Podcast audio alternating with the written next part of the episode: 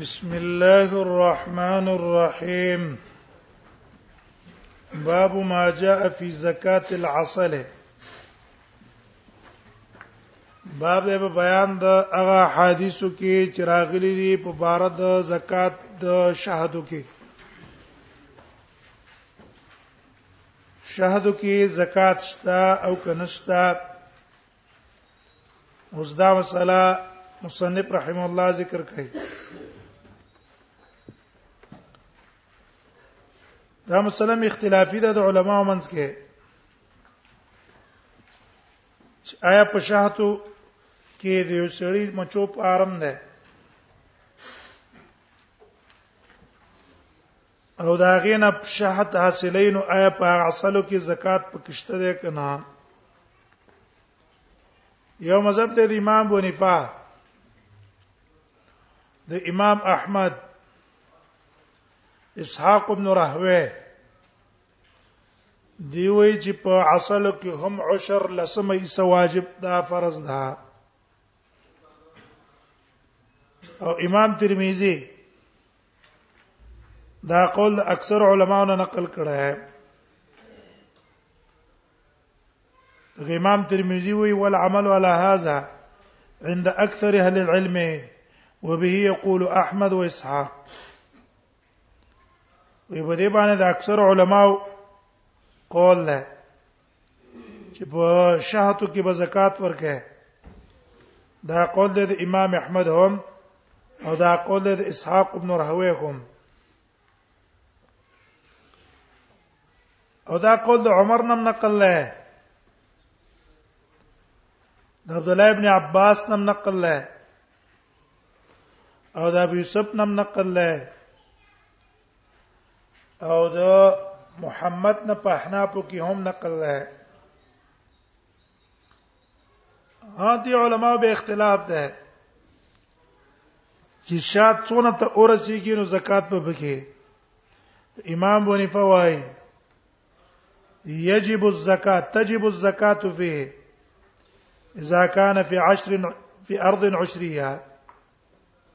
قل او کثرا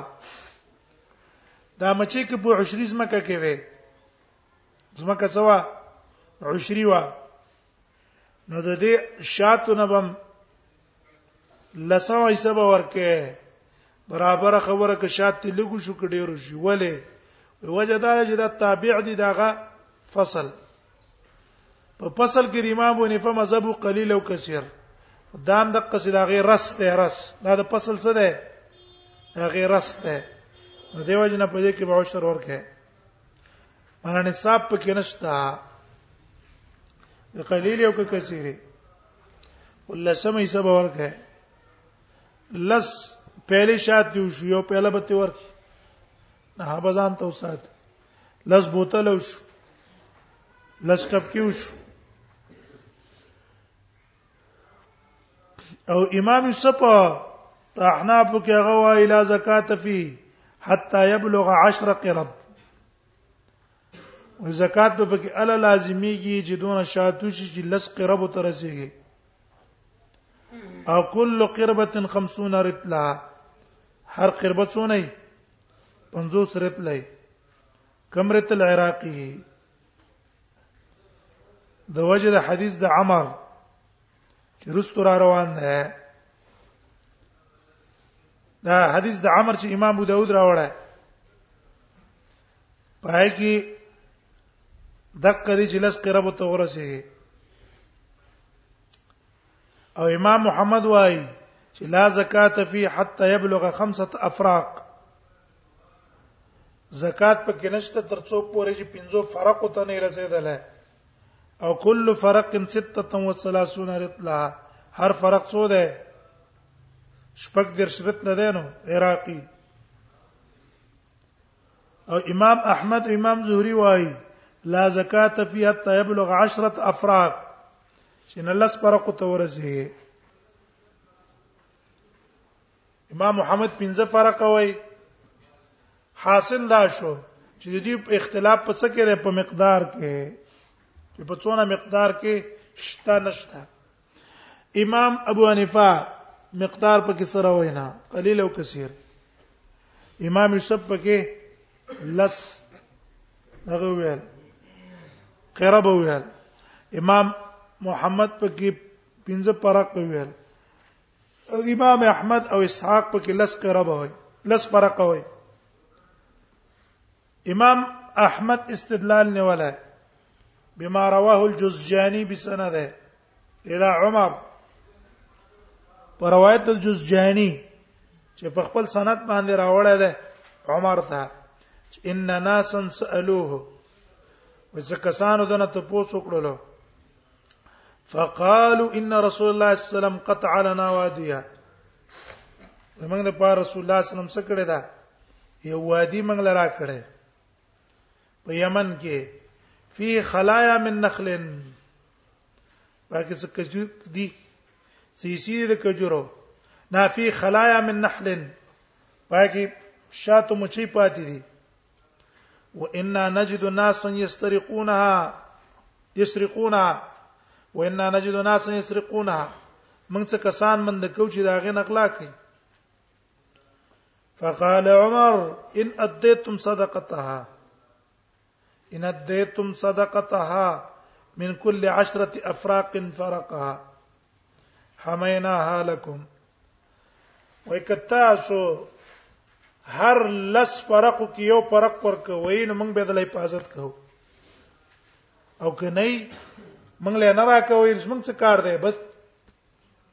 کلاله دې نه پټه مونږ ته یې ذمہوار نه دی وای عمر چې دا فیصله کوله لا يكون الا عن توقيت من النبي صلى الله عليه وسلم دا به نبی صلی الله علیه وسلم ته ویلي چې نبی صلی الله علیه ویلي عمر بلا فیصله کوله او فرق چې د 14 رتنه ده حاصل دا شو چې دا علما قائل دي د وجوب د زکات فل عسل خو صرف اختلاف په څه کې شلو په تعین د مقدار کې او په تعین د نصاب کې چې آیا د فرضیت لپاره نصاب او مقدار شته کنه شته امام صاحب نه وای او دا نور وای شته او د دې به اختلاف شو امام امام سبلس مشکوي امام محمد پنځه پر قوي او امام احمد لس پر قوي دیم قول لري امام مالک او امام شافعي او ابن ابي ليلى او ابن المنذر سفيان الثوري دی وی لا زکات فی العسل مطلقا عسل کې سره زکات شته دی نه قل او کثرا لګي او کډيره خرج من ارض عشريه ام لا برابر خبره کزمه که عشری وی که غیر عشری وی صرف شاتو کې زکات شته دی نه او دا قول نقل دی د عبد الله ابن عمر نه دا قول نقل دی د عمر ابن عبد العزيز نه دا رنګ دا قول نقل دی د علي ابن ابي طالب نه او ابن عبد البر صاحب را لګیدل دا قول د جمهور علماو نه نقل کړه چې دا د جمهور علماو مذهب ده وی وجه دا ده لانه مایع خارج من حیوان دغه دای مایع شه ده روته د یو حیوان نه چې هغه آزاد ده فاشبه اللبنا په څه مشابه شو په پای کې زکات شته نه دې کې نشته دویم دی استدلال نیولای دی بما رواه مالک فی الموطا مالک په موطا کې روایت نقل کړی دی د ابن ابي بکر ابن حزم نه جاء كتاب من عمر ابن عبد العزيز الى ابي واذا عمر ابن عبد العزيز خط ما پلار تراغه او هو بمنا او ده په منا کې خط کې تدالک لیو الله ياخذ من العسل ولا من الخيل صدقه شاتنا او د اسونو نه به زکات نه اخلي ګور عمر بن عزیز دا فیصله وکړه لیکل دارنګ استدلال نیولې ده به ماخرج عبد الرزاق وابن ابي شيبه ابن عبد الرزاق ابن ابي شيبه روایت راوړه بسناد صحيح الى نافع مولى ابن عمر قال بعثني عمر ابن عبد العزيز على اليمن وعمر ابن عبد العزيز په یمن مقرر کړ فاردت ان اخذ من العسل العشره ما اراده و چې عسل د عسلونه څه واخلم فاردت ان اخذ من العسل العشره زما اراده وې زه د شاتونه عشر واخلم فقال المغيرة ابن حكيم الصنعاني ليس فيه شيء ويا غرات وجه ور په شاتو کې زکات نه نو فكتبت الى عمر ابن عبد العزيز عمر ابن عبد العزيز ته ما خط ولي کړو چې خبره ده شه ده هغه راتل صدقه او هو عدل رزن ليس فيه بشيء ورشته ویلې دي او دا سړی عادل دی او د د کردار صحیح دی دا چې کوم خبره کوي دا ټیک ده هیڅ پکې نشته او کوم حدیث د هلال چې ده چې عمر جو ته ویلو کته ورکه نو دا غي جواب دا دی حدیث د هلال په کې زکات ده چې تطوع بما دفعه دا چې نپلی ور کړی دی مکافاتن علی حمایت ذالک الوادی له اصل کې در پر علاقه ساتره دا غي په بدله کې به ورکه دیو جن ابن المنذر وای چې ليس في وجوب الصدقه في العسل خبر يثبت ولا اجماع په شک په شاتو کې د زکات واجبولو یو حدیث هم نشته او نه پکې اجماع شته ولا زکات فی او زکات هم پکې نشته د قشان امام بخاری قول هم د خپل تاریخ کې ها راجح پدې کې دا ده ک چرته حکومت را لګیدو د دې مچو والا حفاظت وکاو او د دې د مچو حفاظت وکاو بیا د حکومت لپاره حق شته زکات دی واخلي وجد عمرنا کچرته تا ته زکات درکاو چې کوم رسول الله صلی الله علیه وسلم ته زکات ورکاو فحمله سلبه سلبي وادي پازت ولکوا او که زکات له نه درکاو پس پرې دا انما هو ذباب غیس دا خو د باران مچ ده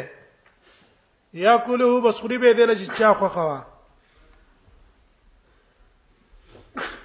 نو زکات بتی حفاظت په ټیم کې اخلي او که حفاظت ارباب النحل کا مالکان حفاظت کا لکه دی وخت کې د مچو پارمونه حکومت له حفاظت نه کوي په خپل کسان ځان له حفاظت لاغې کوي بیا په دې صورت کې بد باندې څه شه ده د د پاره بیا زکات په نشتا دا پیسې چې د سکه مراله او دا پیسې په کال تیر شو د سره وي زکات به دی ورکی او که کال لټولې خړلې وي زکات په نشتا ها کدا پاره می پنې د تجارت ساتلو د ورځې وخت پیټې په 15 زره شپږ زره وز روپیو پیټې ده چې سړی سسل پیټې ولکه روپۍ شوي ته لکه روپۍ شوي نو بیا کنه د تجارت بګیو دیو اکثر د قصې کوي چې به خرڅي به په دې صورت کې کنه د تجارت پکې زکات پکې شته او کنه د تجارت تم پکې نه په دې پیټو کې به زکات نشته ځکه ليس فی العوامل صدقه چې تا د عمل لپاره ساتلی هغه زکات نه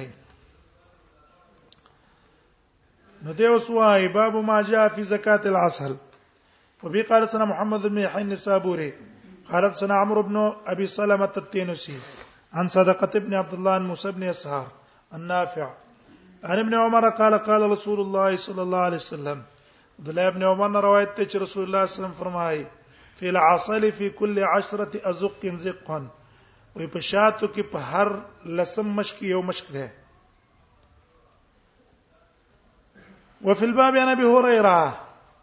په دې باب کې د ابو هريره ځاهونم روایت نقل لای او د ابي سيار المتعبين عبد الله بن عمر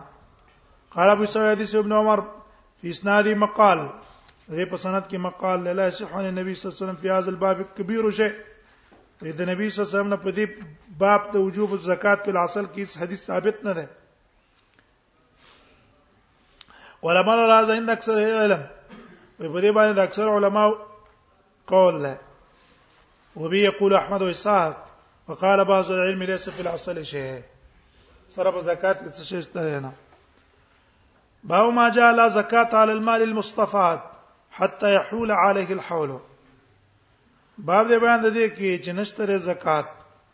علی المال په هغه مال باندې المستفاد چې هغه حاصل شي په نیم کال کې حتی يحول علی الحول تر دې چې کال په هغه باندې تیر شي به په زکات ورکه صورت مسلې دا ده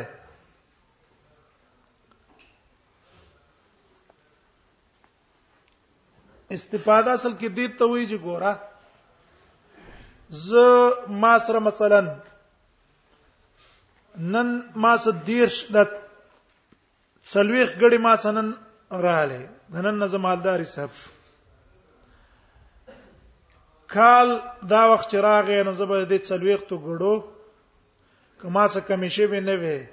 کال اخره پوره که څلويخ وي که څلويخ تونه زیات شوی وي زبط زکات کال لور کوم حولان حول باندې ورسې دي حولان حول د کوم وخت شروع کیږي کوم وخت نه مالدار حساب شو د کوم وخت نه مالدار حساب شي د دقه وخت نو په د باندې سکیږي حولان حول به تیریږي حتی يحول عليه الحول نو دی وخت نه حولان حول په د باندې روان ده اوس په دې منځ کې د سره نورې ګډې رااله نورې په بل سبب باندې دې تویل کې مال مصطفی ده آیا دا چې نن شپږ مې شي پستا سره رااله آیا دا به د دې د کال سي حسابيږي شپږ مې شي پس به زکات د ټولو نه ورکه او کنه دا هغه به جدا کال حسابيږي د تمال مستفاده وای خو اول صورتونه معلوم کړي دو صورتونه اتفاقی دي او دو صورت یو صورت اختلافي ده اتفاقی صورت هغه ده دو صورتونه چې اتفاقی دي یو صورت ده ده ما سره غړي دي ٹھیک شو ګړې دې ګړو کې مال چا او خان راکړه شپک مې شپس نن ما څه څلويخ ګړې دي نو نن زمالدار حساب شوم شپږ میاشتې بعد یا و میاشت بعد یا درې میاشت څلور میاشت بعد مال چا او خان را هدیتن تحفتن یا په پلان پلان اورور نه مونږ تاسو ته په میراث کې پاتې شو جنس جدا ده مال مستفاده څخه جدا ده جنس جدا ده یا راسه سونه پیدا شو یا راسه پزه پیدا شو نو په اتفاق د علماو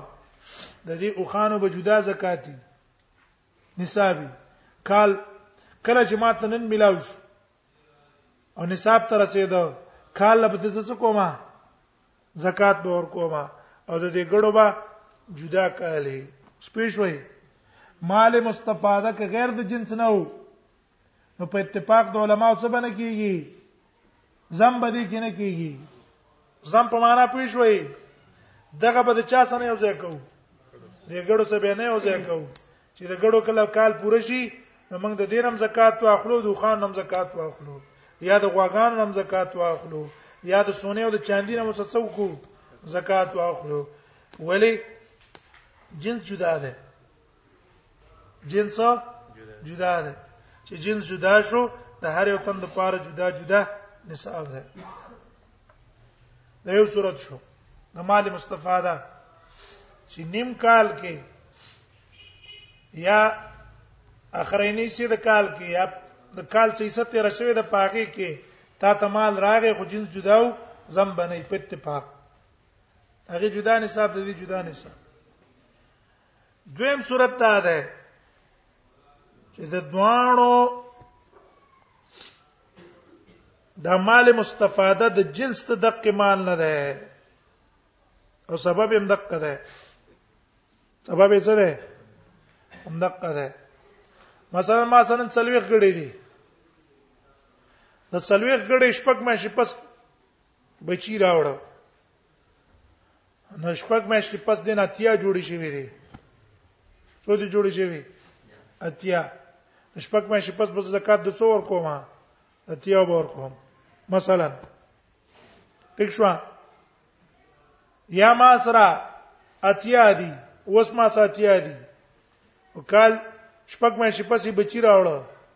دینه یو سلو سلويخت جوړې شوې زبوس یو سلو سلويخت زکات ورکوم دا به نه کوم چې کم پیدا شي وي دا غي جدا کال حساب کما او د مخکینو یا نن ما سره مثلا 15 لک روپۍ دي نن ما څه 15 لک روپۍ را لې زمالدار شو ٹھیک شو شپږ مې شي پس د 15 لک روپو باندې مال ما واغستو او بس خرج مې کو او چې خرج مې کړو مال لس لک روپې وګټه ده اوس به زدا نه کومه چې دغه لس لک روپې چې کومه ګټه مې کړې ده دا غي به جدا کال حساب ومه او دې 15 به جدا حساب ومه دا ګټه هم د دې څه کیږي زم کیږي وا بس لګې به غټي به غټي به غټي به کال اخر کې به حساب ولګو چې کله کال پوره شو نو چې څونه ته ټول مجموعه مال رسیدلې زکات به ته ورکم دا دې صورت کې دا کم ګټه چې رااله یا مال په منځ د کال کې راغې او د جنس ته چانه راغې جنس د کمال نه راغې په اتفاق او سبب هم د کمالو نو په اتفاق باندې زم په دې کې شته دریم صورت هغه اختلافي ده هغه دا ده چې مال مستفاده دا د جنس د کمال نه ده خو سبب د استفادې جدا ده سبب د استفادې جدا ده هغه دا ما څه څلوي غړي دي سل غړي دي ټیک شو زکه ما اوس ما څه په دې میاش کې څلوې کړې شوې اوس پک میاش ته پس یو تن راغې ما ته هدیه او تحفه کې 200 غړې راکړې هدیه تحفه یا په میراث کې پلار نه موږ ته څه پاتې شو په میراث کې موږ ته 200 غړې پاتې شوې ماته یو 200 غړي مثلا میراث کې پاتې شوې نو آیا وسبا دا 200 غړي چې شپږ مې شي بعد راغلي آیا دا به د دې غړو سره چې کله په دې زکات پرس کیږي نو دا غړو نام زکات ور کوم کنه دا غي به د کوم وخت نه چې ما تراغلي دا غي به جدا کال حساب ومه او د دې به جدا کال حساب ومه اوس پېښ وای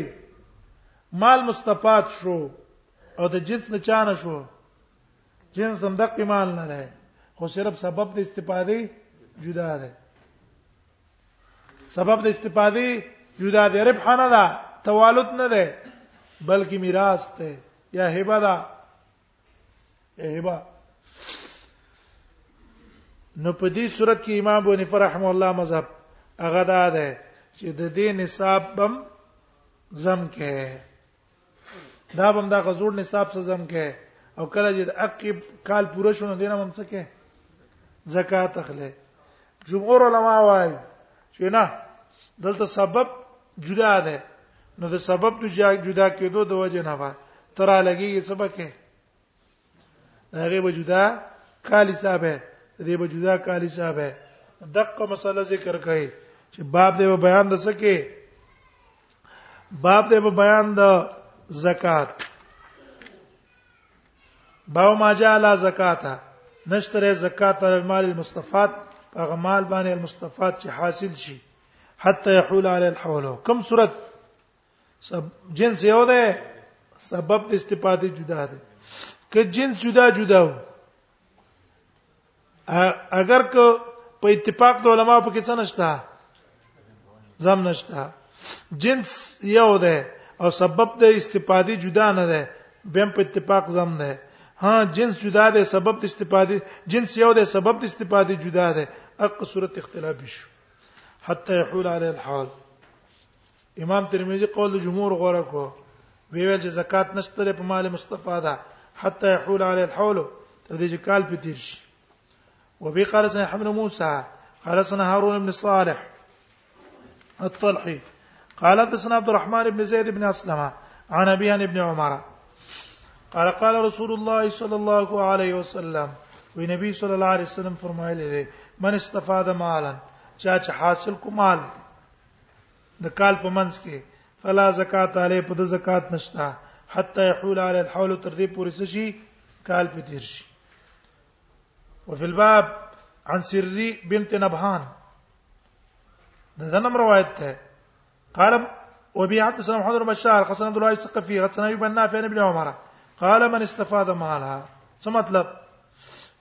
پاس روایت مرفوع قال رسول الله او دلته دا موقوف ته په عبد الله ابن عمر دا قول عبد الله ابن عمر ده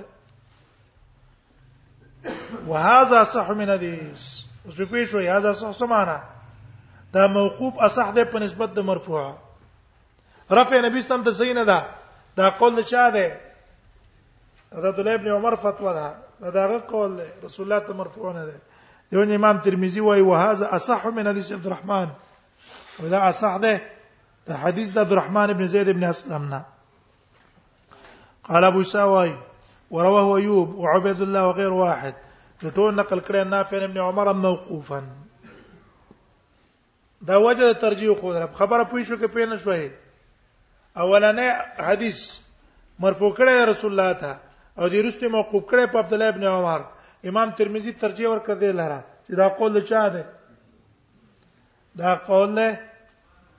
عبد الله ابن عمر رسول الله ته مرفوع نه ده هدا عبد الله ابن عمر تایید څه کوي ابو بکر صدیق او عمر بن خطاب د دې قول کوي حاصل دا شو چې په دې مسله کې حتی يحول عليه الحول مرفوع روایت در رسول الله نشته خو آثار د صحابه پکښتا قال ابو ساوي د ټول ابن عمر موقوفا او عبد الرحمن ابن زيد ابن اسلم عبد الرحمن ابن زيد ابن اسلم دا مرفوع کړی دی خو ضعیف په حدیث عذاب دې په حدیث کې څه مطلب اشاره شو دا چې څوک دې دا وایي چې هلکه هغه ځای مرفوع کړو او د نورو موقوف کو نو دغه رفع دي صحیح شي ځکه زیادت د ثقه معتبر ده دا وی زیادت د ثقه معتبر ده چې کله خو ثقه ثقه خوې کنه او چې کله زیادت کوونکې ضعیف نو هغه ته به څه ویل کیږي دا خو به ضعیف ویل کیږي منکر ته ویل کیږي څو ته ویل کیږي منکر نو دا یو ضعیف په حدیث دا عبدالرحمن ابن زید ابن اسلم ضعیف دی په حدیث کې ضعف احمد ابن حنبل احمد ابن حنبل ته ضعیف ویل دی علی ابن المديني ته ضعیف ویل دی وغير امام من اهل الحديث نور محدثين ته ضعیف ویل دی او هو كثير الغلطه دا څه ده ډیر خطای والا ده وقدر ير غیر واحد من اصحاب النبي سلام ها د کې اوس وای چې ټیک د مرفوع رسول الله صلی الله علیه وسلم ته دا خبره نشته چې لا زکات فی المال المستفاد حتى يحول عليه الحول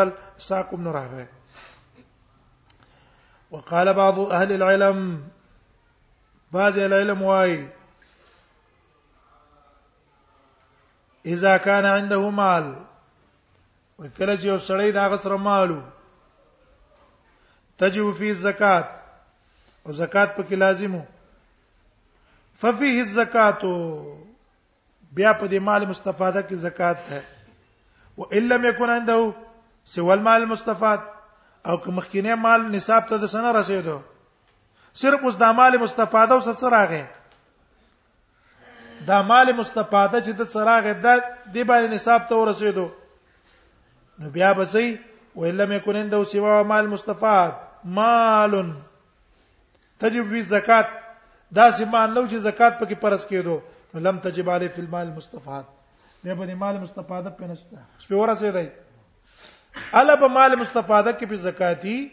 چې کله د سمخ کې نه مال نصاب ته رسیدلی او مالدار حساب شوی نو په دې منځ کې چې مال مستفاده راغی اگر که سبب دغه مال نه وي مخکینه مال اگر که سبب نه وي سبب بلی د استفاده هم به په زکات پرسته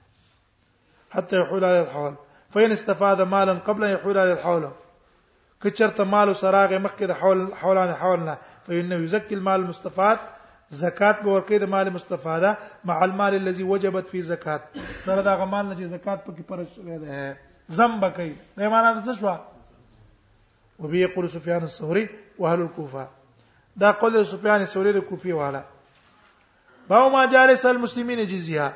باندې باندې دي چې په مسلمانانو باندې جزیه نشتا څه مطلب غرض دې باب دا ده یو سړی دی په اسلام کې داخل شو حاصل باب دا ده یو سړی دی زمي نو په زمي باندې څه وی ټیک څه کنه زیبا ورکړي اوس نیم کال په د باندې تیر شوی دی نو کال پس په دنه جزیه غستل کیږي کنه مله غستل کیږي لیکن د په اسلام کې د نیم کال کې داخل شو نو جمهور علما وایي چې په دې سړی باندې څه نشته جزیه نشته او د د زمکه چې کومه ده پای باندې خراج هم نشته پس د دینه په اسلام د داخله دونه بعد به دې څور کوي عشر به ور کوي عشر او خراج پانه پويږي خراجیز مکه به خراج ور کوي کده په کې څو کرل کوي نه کرل او ماغوت چې به ور کوي د لړیرو کو کلګي کو او په عشر کې دا ده چې لسمه به ور کوي چې کله فصل پکې وشو کښړه پرتوي چې پکې نشته شو ورزيدلې نو معنی دا ده چې مسلمان باندې جزیه نه او دا جمهور علما او مذهب ده احناف علما وايي چې یو سړی باندې جزیه پس مکه مقرره شو اگر کله رسته په اسلام کې هم داخل شو دی به څه کوي دی به مکه زمکه کې څه به ور کوي جزیه به ور کوي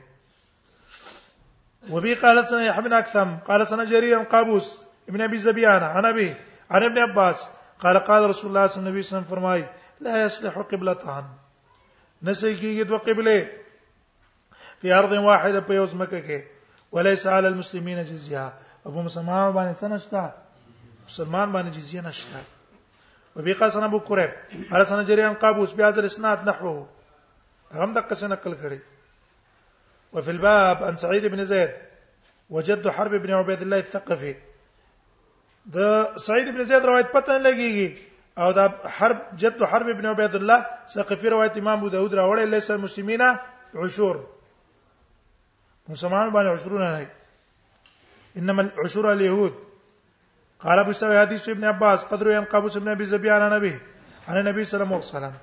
هغه نه مرسل نقل له صحابي کنه ذکر والعمل على هذا عند عامه اهل العلم او په دې باندې عام علما پولیس باندې عمل له ان النصراني اذا اسلم نصراني چې کله په اسلام کې داخل شو او د اعطانو جزيه رقبه ته دغه د څب چې کوم جزيه ده کنه دا به کې خوستل شي ابه په نه وقول النبي صلى الله عليه وسلم دا قول د نبی صلی الله علیه وسلم چې سیمه جزیه عشور و دینه مراد څه ده انما یعنی بجزیه الرقبه جزیه الرقبه په توی نه ارچه د زمکه له به تغستل کی وفي الحديث ما يفسر ما يفسر هذا په حدیث کې دا دي چې فسر هاذا دغه مطلب دی د دې عشور ته مراد ده حيث قال انما العشور على اليهود والنصارى ودا عشور په چا باندې په يهود او نصارى مراد نه جزيه ده وليس المسلمين عشور مسلمان باندې عشور نه دي دا امام ترمذی دا مطلب واغستله لیکن نور علما وایي چې نه عشر نه مراد اموال د تجارت دي څه مطلب معنی دا ده چې ګوره کافر سره اس بنګ ملک تراغه اگر که اموال د تجارت راړو نو که حربي وو انه به پورا عشر اخلو که ذمي وو نسبي عشر به تیا غستل کیږي او که مسلمانو نو سبا تیا غستل کیږي ربع العشر ربل عشر خو د زمینه چې غستل کیږي هغه ټیک استه او د مسلمان نه چې غستل کیږي دا به زکات ده او کله کال چې به تیر شي په اموال او تجارت کې د غرب له شرط څلو اختما ده کنه دا څلو اختما ابو ته غستل کیږي باو ما جاء فی زکات الحلی